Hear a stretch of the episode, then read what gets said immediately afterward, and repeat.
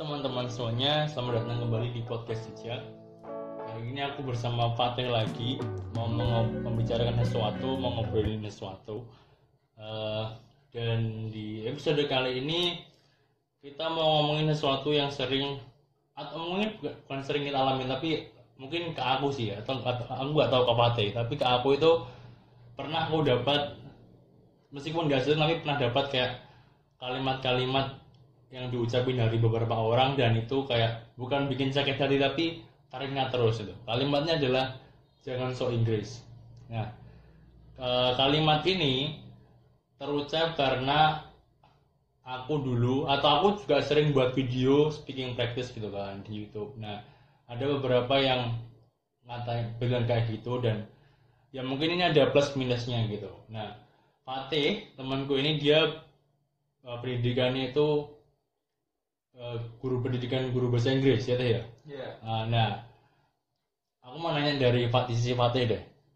Menurutmu teh eh, sebagai orang yang atau di era sekarang ini eh, belajar kan bisa dari mana saja. Belajar bisa di mana pun Eh, misal ada yang rutin buat video kemudian atau mereka praktis di mana pun misal di warkop di kafe sama sama partnernya buat speaking practice gitu menurutmu gimana itu sesuatu yang tepat dilakukan atau enggak Itu oke banget sih. Maksudnya sekarang ini kita bisa belajar offline maupun online. Mhm. Dan Setuju, setuju. online itu udah bisa diakses semua orang gitu loh. Ah, Dan nanti pas praktek secara offline kita itu bisa lebih ngerti dan gak begitu butuh les walaupun les sih kadang lebih butuh soalnya lebih bisa gimana mengajari kita Iya, ya untuk soalnya secara gitu lah ya. langsung Ah. directly gitu. ah. Tapi online ini juga uh, suatu plat- plat- platform yang bisa mengembangkan diri kita belajar bahasa lain gitu. Hmm. Nah, nah, apa namanya dari segi kayak ini semakin gara-gara pandemi nih ya setahu itu makin banyak orang belajar bahasa Inggris gitu. Entah ya rata-rata aku tahunya online meskipun dari offline aku nggak tahu karena dunia offline itu pembelajaran offline banyak yang tutup gitu kan. Dari online itu menurutmu apa kalau bela- kalau kita belajar online nih menurutmu itu lebih ba- baik mana misal ikut kursus online atau eh, ya kita autodidak sendiri atau ya kita cari partner di online atau kita, atau kita offline sama teman-teman yang di sekitar kita atau semuanya emang sama-sama bagus tergantung orangnya Ya, semuanya sebenarnya sama-sama bagus. hmm. Tergantung kapasitas orang itu sendiri dan tekad orang itu kan. Em, misalnya contoh gini, yang di TV itu pernah ada orang yang cuma belajar online terus bicara sama bule-bule online itu bisa menguasai kurang lebih 16 bahasa. Hmm. Sementara yang lain udah sampai jungkir Bali tetap gak bisa. Itu berarti bukan pembelajaran yang tepat buat kamu gitu. Hmm.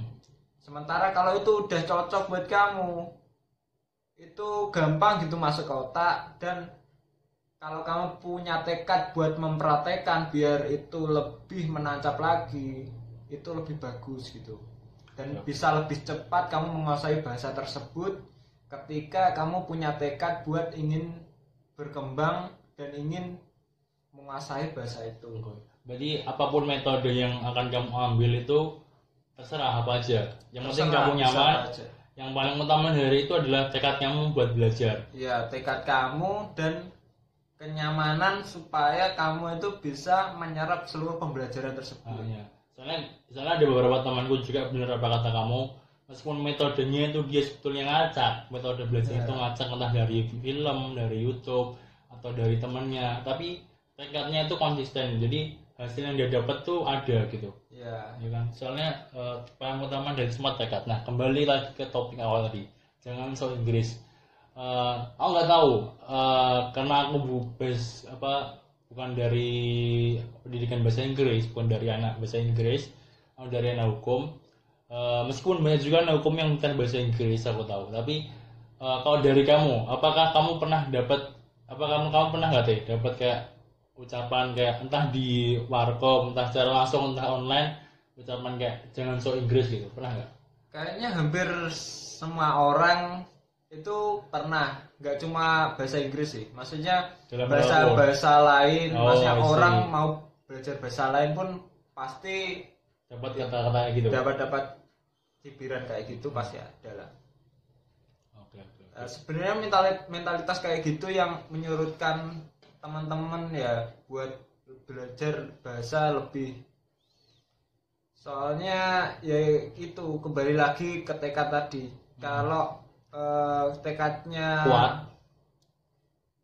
Kuat. Itu kata-kata kayak gitu bakal ditampi gitu. Dan mereka bakal terus belajar. Dan itu cuma maksudnya cuma jadi kayak angin lalu gitu kan iya iya benar benar benar. Tapi kalau orang itu misal introvert terus orang itu eh, cenderung pemalu atau gimana Hmm. kalau menuai cibiran kayak gitu kan biasanya langsung down ya langsung kena mental lah mentalnya langsung down. kena mental down kena- dan dia eh, bisa aja trauma gitu Mhm. buat belajar bahasa itu Betul. sebenarnya hal-hal kayak gitu harus dihindari sih soalnya kan ya mau belajar tentu harus mempraktekkan walaupun Hmm. awal-awal jelek kalau itu eh, secara konsisten dilakukan Hmm. ya akan jadi lebih baik soalnya orang orang yang pro sendiri itu awalnya juga orang yang nggak bisa apa-apa gitu iya, benar benar. Karena karena dia practice more terus latihan terus melakukan pengulangan repetition Iya, jadinya eh, dapat hasil yang dia inginkan gitu kan. Iya. Meskipun toh eh, dapat cibiran ini konteksnya adalah bahasa belajar apa pun ya, nggak Iya. cuma bahasa Inggris nah bahasa Cuma apa pun. bahasa Inggris. Pasti ada pasti ada aja entah orang yang nggak kamu kenal deket atau teman kamu teman dekat kamu ya meskipun konteksnya bercanda tapi ada beberapa orang yang introvert itu meskipun dibercandain tapi kena mentalnya gitu Ya, terus gak mau belajar ya cuma lagi. introvert sih sebenarnya Iya. cuman lebih ke karakter aja karakter aja ya kalau karakternya itu maksudnya eh, gampang baperan atau gimana kan dia Ah. juga kena mental loh. iya iya benar dia malah jadi kayak emosi gitu kan ya emosi dan bisa aja itu trauma. Kalau emosi sih masih mending mungkin masih Mau belajar lagi. belajar lagi gitu kan. Jadi kalau trauma kan beda ceritanya. Oh, iya iya benar benar. Nah eh, ini mungkin meskipun ya aku tahu sih beberapa temanku itu eh, ada yang kayak pemalu gitu. Ketika ketika di cibir gitu kayak jangan so Inggris kamu gitu mereka langsung down. Nah mungkin ya ini mungkin saran aja sih buat siapa pun. Aku ada teman beberapa teman kayak gitu dan kadang-kadang kadang-kadang aku sempat kayak nggak peduli gitu deh. Maksudnya ya udah dia down ya ya udah. Tapi ini konteks di luar jangan se Inggris ya. Eh, ketika temanku dapat kalimat kayak gitu dari orang lain yang aku lakukan sebagai temannya itu pernah aku sebelumnya tuh kayak nggak peduli kayak ya udah dia down ya ya udah gitu. Tapi lama kelamaan tuh aku mencoba mencoba apa kayak nyemangatin loh. Soalnya eh, kadang-kadang itu beberapa teman kita itu punya potensi buat lebih tapi mereka down duluan. Nah mungkin tugas sebagai seorang teman itu paling enggak ya ya ngasih support gitu kan. Soalnya kan siapa tahu ketika teman kita jadi lebih hebat jadi kita dapat benefitnya dari mereka juga. Soalnya kita bisa saling tukar-tukar informasi gitu. Dan mereka lebih pro kan juga nggak tahu. Tapi kan ini plus minusnya sih. Maksudnya dari belajar itu kan kalau nggak saling support satu sama lain ya agak kurang baik juga gitu kan. Nah terus gini deh. Eh, kamu kan pendidikan bahasa Inggris di dari UMM ya kan? Eh, menurut kamu di kamu kan pasti pernah ngajar gitu kan entah magang entah KKN atau apa ya kan? Eh, kesulitan anak-anak Indonesia belajar bahasa Inggris itu apa? Mungkin beberapa hal kalau yang kamu temui di lapangan eh, kalau awal ya dari ini pronunciation dulu aja Pronunciation. dari pronunciation itu kalau orang Jawa sendiri itu susah ya mungkin nggak cuma Jawa. Eh, bahasa-bahasa yang butuh penekanan hmm? di dalam kosakatanya atau di dalam kalimatnya itu lebih cenderung susah buat pronounce sesuai natif bahasa Inggris gitu. Hmm. soalnya eh, bahasa soalnya kalau kata kata orang Jawa sendiri sih kayak medok gitu kan. Nah benar-benar sementara jadi itu tergantung influence lingkungan ya. Oke, oke, kayak oke. di keluarga. Misal kalau di keluarga kamu eh, dididik untuk belajar bahasa Indonesia sebagai mother tongue Oke. itu lebih gampang untuk eh, pronounce bahasa Inggris gitu maksudnya lebih halus daripada kalau mo- mother tongue-mu itu bahasa Jawa gitu soalnya itu tadi banyak penekanan-penekanan di bahasa Jawa atau bahasa-bahasa yang butuh penekanan itu jadi susah untuk pronounce bahasa Inggris yang standar na- native Oke oke. Itu satu dari pronunciation. Terus eh, selain itu eh, apa ya kayak tadi pronounce kan kalau disebutin lagi ada kayak faktor lingkungan, ya keluarga. faktor lingkungan Tapi Eh, mungkin kayak minat minat belajar anak itu Ya. besar apa enggak? Kamu temuin di lapangan. minat sih ter- tergantung di daerah ya sebenarnya Oh, cuman oke, oke. waktu aku magang itu minatnya kecil sih Nanti kecil. Iya. Soalnya gini ya. Sebenarnya lingkungan juga berpengaruh daripada minat gitu. Iya iya iya. Kayak tadi, eh, misal kalau dia takut kalau dicibir temennya nak jangan sok ke Inggris, Ah, jangan sok Inggris jangan gitu. sok Inggris gitu.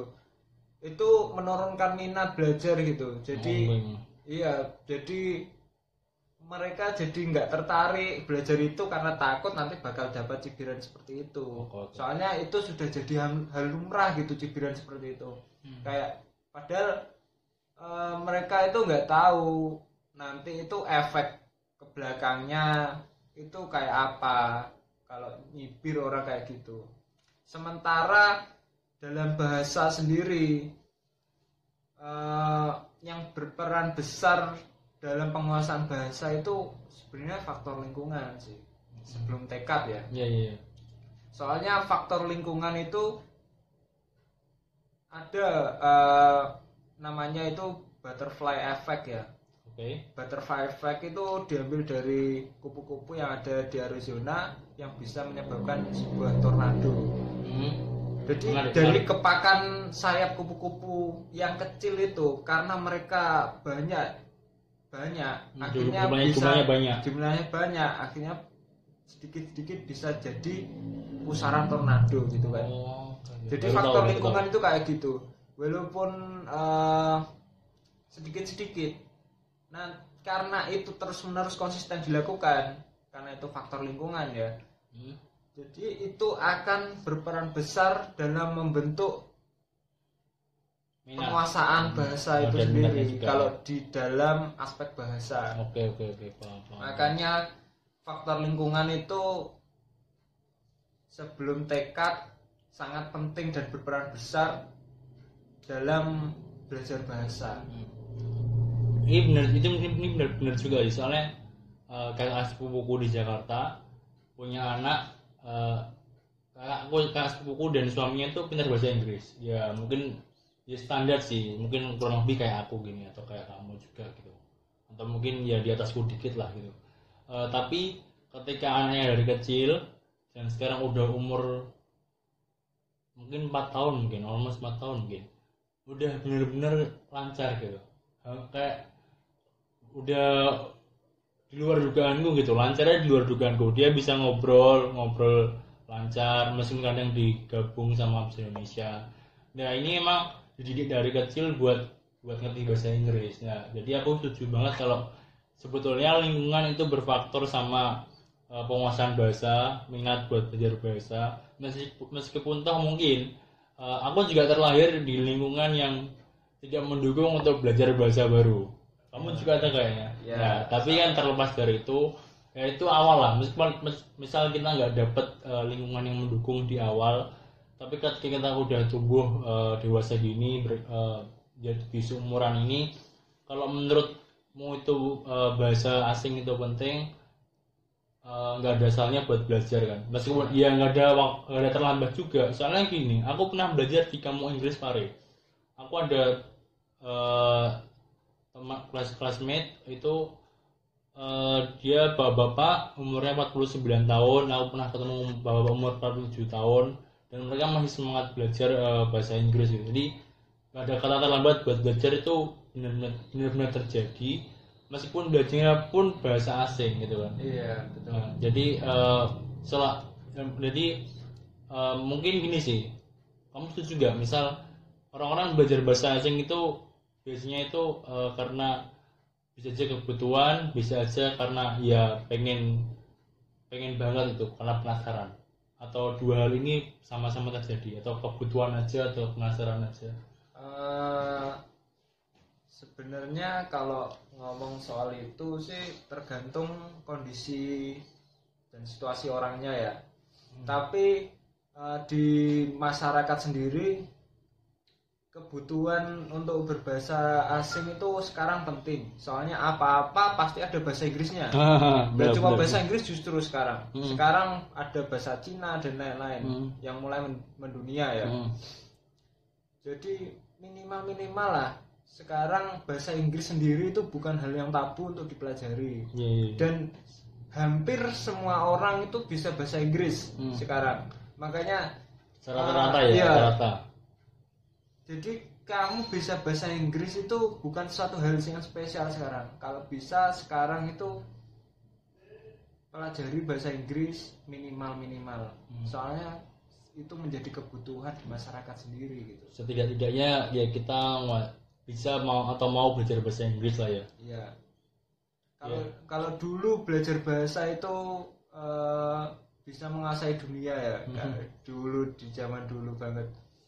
Sekarang itu nggak sehibur bol itu gitu. Ah. Sekarang itu ya masih penting, emang penting banget. setidaknya untuk karir kamu itu Iya, setidaknya itu untuk diri kamu dan karir kamu.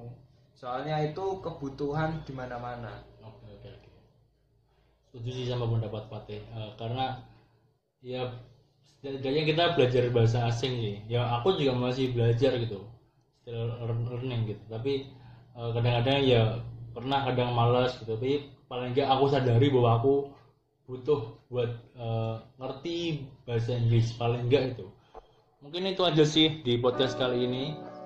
Eh, terima kasih sudah mendengarkan. Eh, sampai jumpa di episode berikutnya